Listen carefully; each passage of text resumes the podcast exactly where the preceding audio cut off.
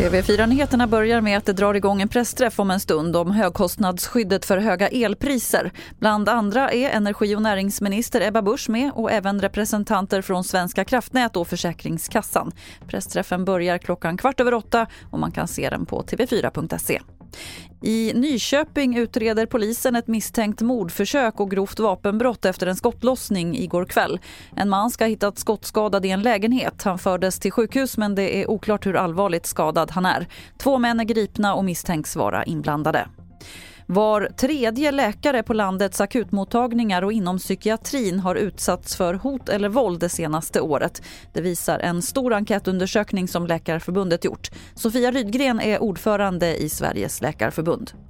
Det är ju förfärliga siffror. Eh, alla ska kunna känna sig trygga på sin arbetsplats. Det kan ju vara allt från att man blir hotad och eh, någon berättar jag vet var du bor någonstans till att man kanske i en fysisk situation blir trängd in mot en vägg eller kanske till och med ibland slagen eller hotad till livet.